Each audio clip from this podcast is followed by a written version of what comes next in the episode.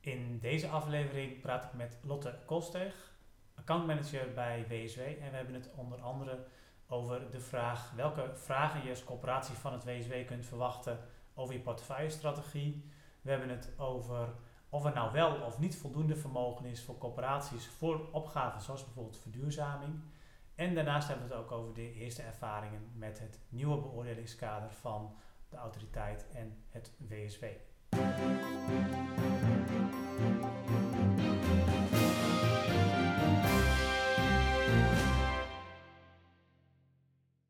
Mee wil doen aan dit, eh, aan dit interview. Ehm, om te beginnen uh, ben ik nog heel benieuwd. Kun je uh, nog iets meer zeggen over wat je uh, in de dagelijkse praktijk doet bij, bij WSW? Ja, ik ben nu ruim 2,5 jaar accountmanager bij WSW. Dat houdt eigenlijk in dat ik me bezig hou met de jaarlijkse beoordelingen van woningcorporaties. Mm -hmm. en dan aan de ene kant het financiële deel en aan de andere kant het bedrijfsmatige bedrijfsmodel deel waar we op beoordelen. Ja. En dat is wat ik uh, het grootste gedeelte van mijn tijd doe. En verder hou ik me bezig met een aantal themaonderzoeken waar we mee bezig zijn om inzicht te krijgen in de, in de financiële ruimte nog in de sector. Ja, en dat omvat ook eigenlijk bijna al uh, zo'n beetje alles wat de WSW doet, hè? de individuele beoordelingen en de thema's uh, over de hele sector. Ja, we hebben twee grote afdelingen eigenlijk binnen de WSW. Het zijn accounts en risk management. En bij accounts houden we ons echt bezig met de aparte beoordelingen per corporatie. En vanuit de risk kijken we echt naar de risico's in de sector en de thema's. En wat is daar nou een ruimte nog in, financieel? Wat kunnen corporaties, welke ontwikkelingen zien we, dat soort uh, dingen. Ja. ja, dus dat zijn de belangrijkste uh, werkzaamheden vanuit ja. WSW. Ja. Nou, zou dat uh, eigenlijk vrij recent nog dat er een heel nieuw beoordelingskader is geformuleerd samen met de autoriteit woningcorporaties. Um, ik ben heel benieuwd, wat, wat zijn jullie eerste ervaringen in het werken daarmee? Ja, het hele idee daarachter is dat we uh, voorheen hadden we vanuit en de autoriteiten vanuit WSW hadden we vaak dezelfde gesprekken en vroegen we dezelfde uh, documenten op. En nu mhm. zijn we veel meer uh, uitgaan van onze eigen kwaliteiten. Waar zijn we goed in? Waar weten we veel van? Waar zijn we veel mee bezig? En uh, de informatie achter schermen delen we ook met elkaar, zodat we gewoon een beter beeld krijgen van de corporaties. En dat de corporatie wat meer uh, aan ons heeft ook, zonder dat ze gesprekken allemaal dubbel zitten te, te voeren met iedereen. Ja, ja. En, maar er zijn ook uh, bepaalde onderdelen die voorheen wel werden getoetst, die zijn nu op een andere manier weer terug, teruggekomen. Ja, we hebben uh, een verdeling gemaakt tussen de, de onderdelen. Wie kijkt waar naar? Wanneer mm. kijkt de AW ernaar? Wanneer kijkt WSW ernaar? En uh, bij WSW achter de schermen hebben we nog steeds het risicoscore-model gebaseerd op Standard Poor's. Mm -hmm. En daarbij gebruiken we de input van AW om die onderdelen te kunnen scoren. Ja. Ja. Dus uh, ze komen bij ons wel weer terug, alleen we zijn er veel minder zelf actief mee bezig. Ja.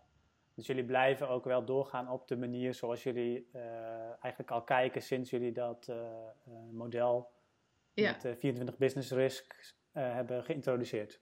Ja, qua vastlegging zeker. En we, nou, we hopen hiermee ook gewoon een betere kwaliteit van de beoordelingen te krijgen. Doordat je juist mhm. die verdeling maakt en veel meer de op, ja, op elkaars input gaat varen. ja. ja.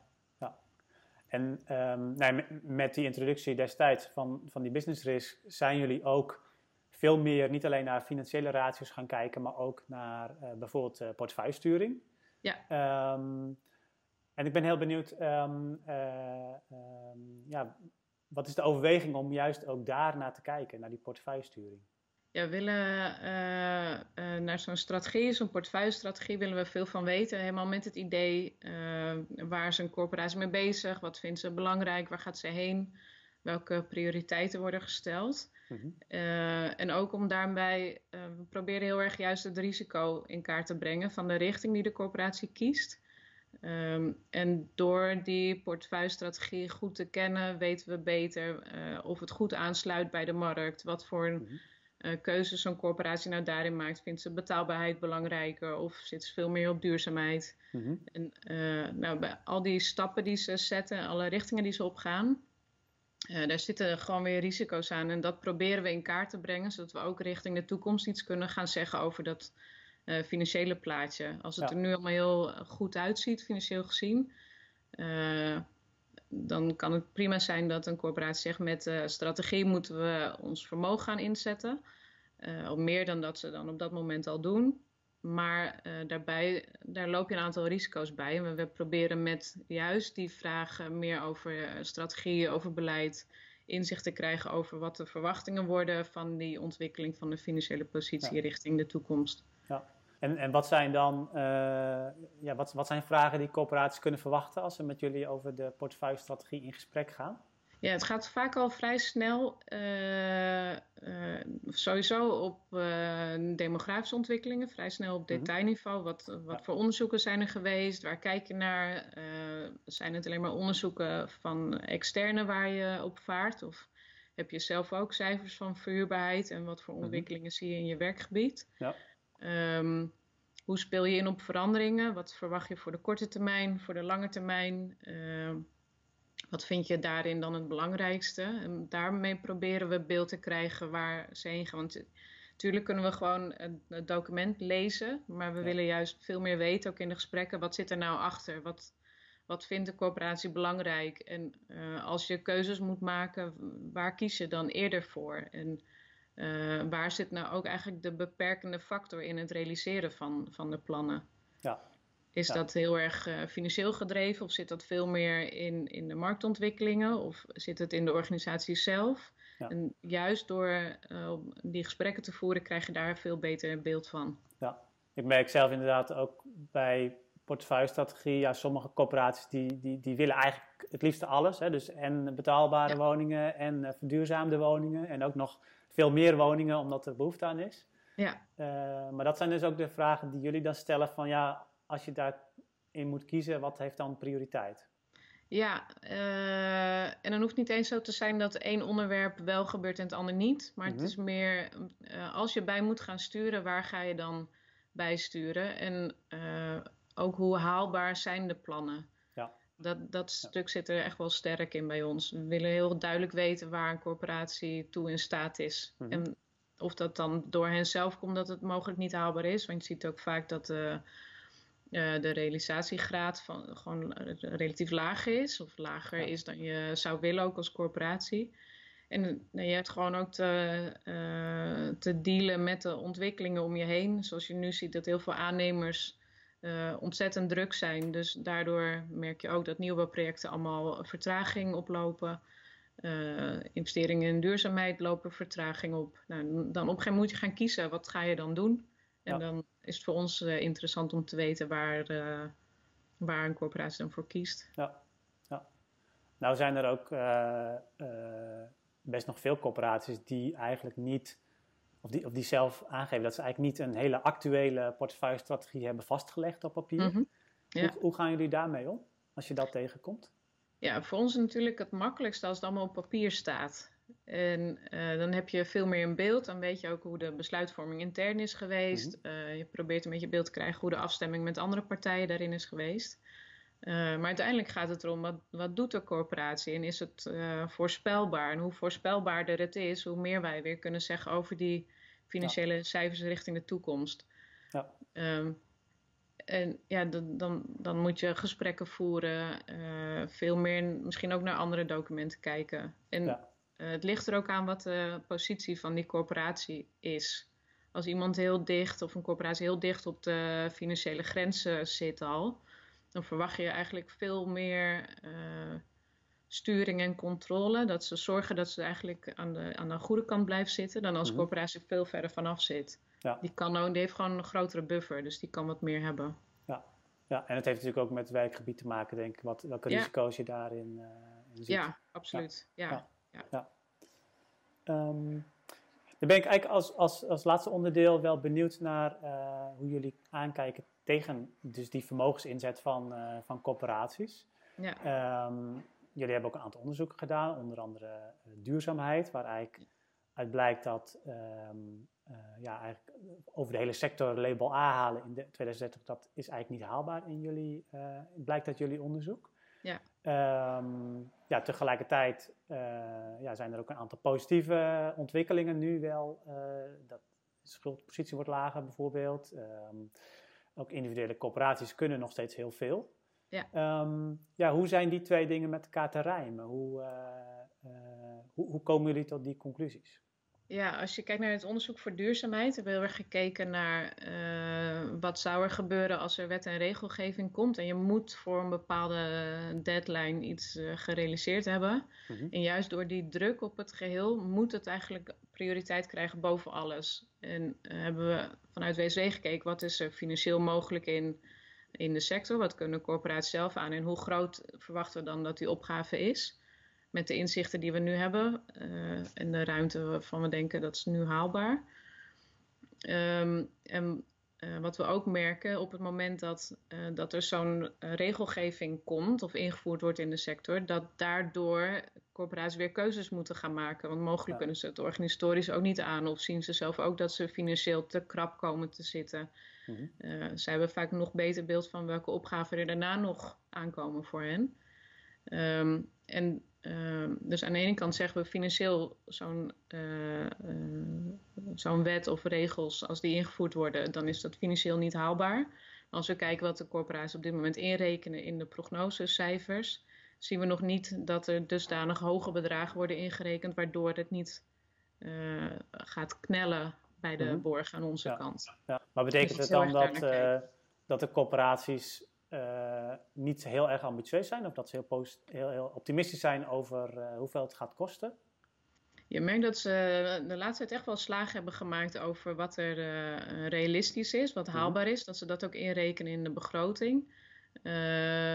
en elke corporatie heeft ook, ook met de duurzaamheid ook wel even een andere insteek. Want er wordt ook nagedacht over, staat het bezit er nog wel in 2050? Of uh, wat wil ik met mijn woningen gaan doen over 20 jaar? Mm -hmm. En het is natuurlijk zonde om nu heel veel te gaan investeren terwijl je weet dat er ja. iets met die woningen gaat gebeuren. Ja.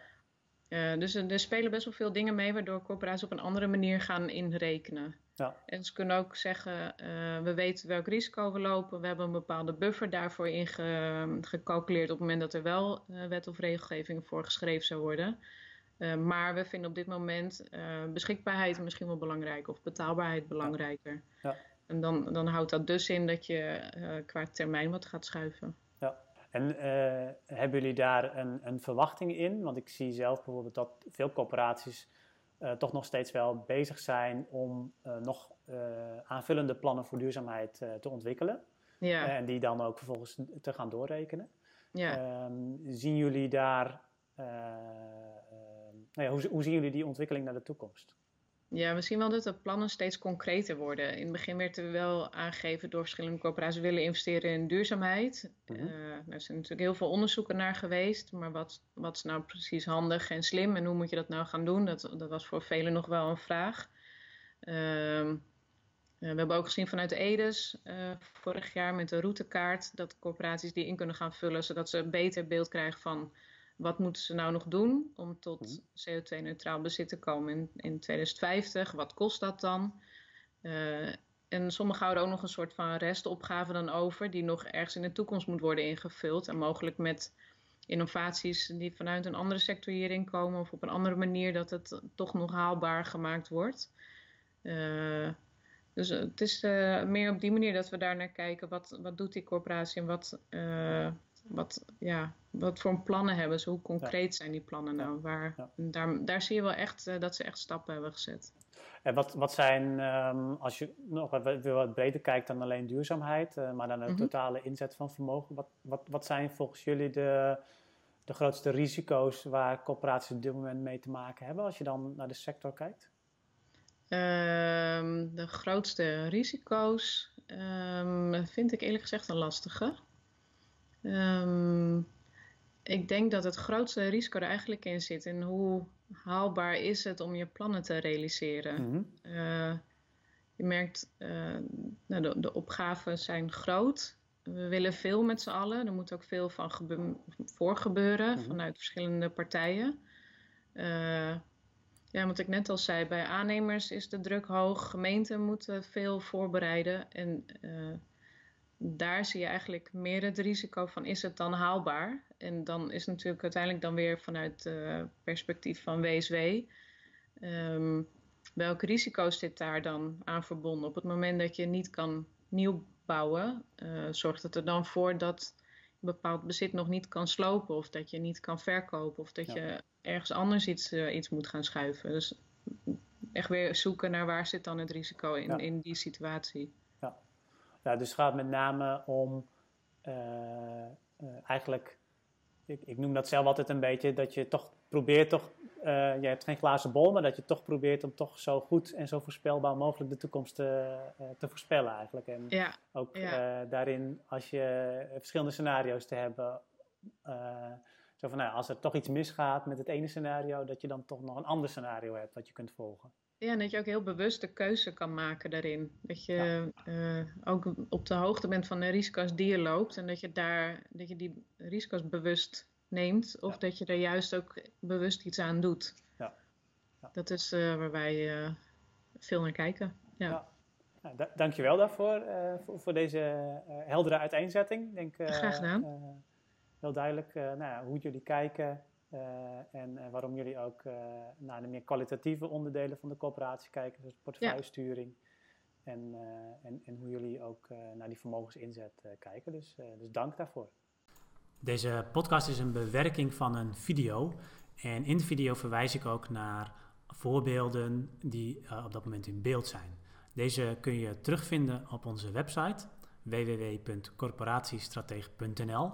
En als je dan helemaal onderaan de pagina de titel van deze podcast invoert, dan kom je op de bijbehorende blog en daar vind je ook de voorbeelden die ik noem.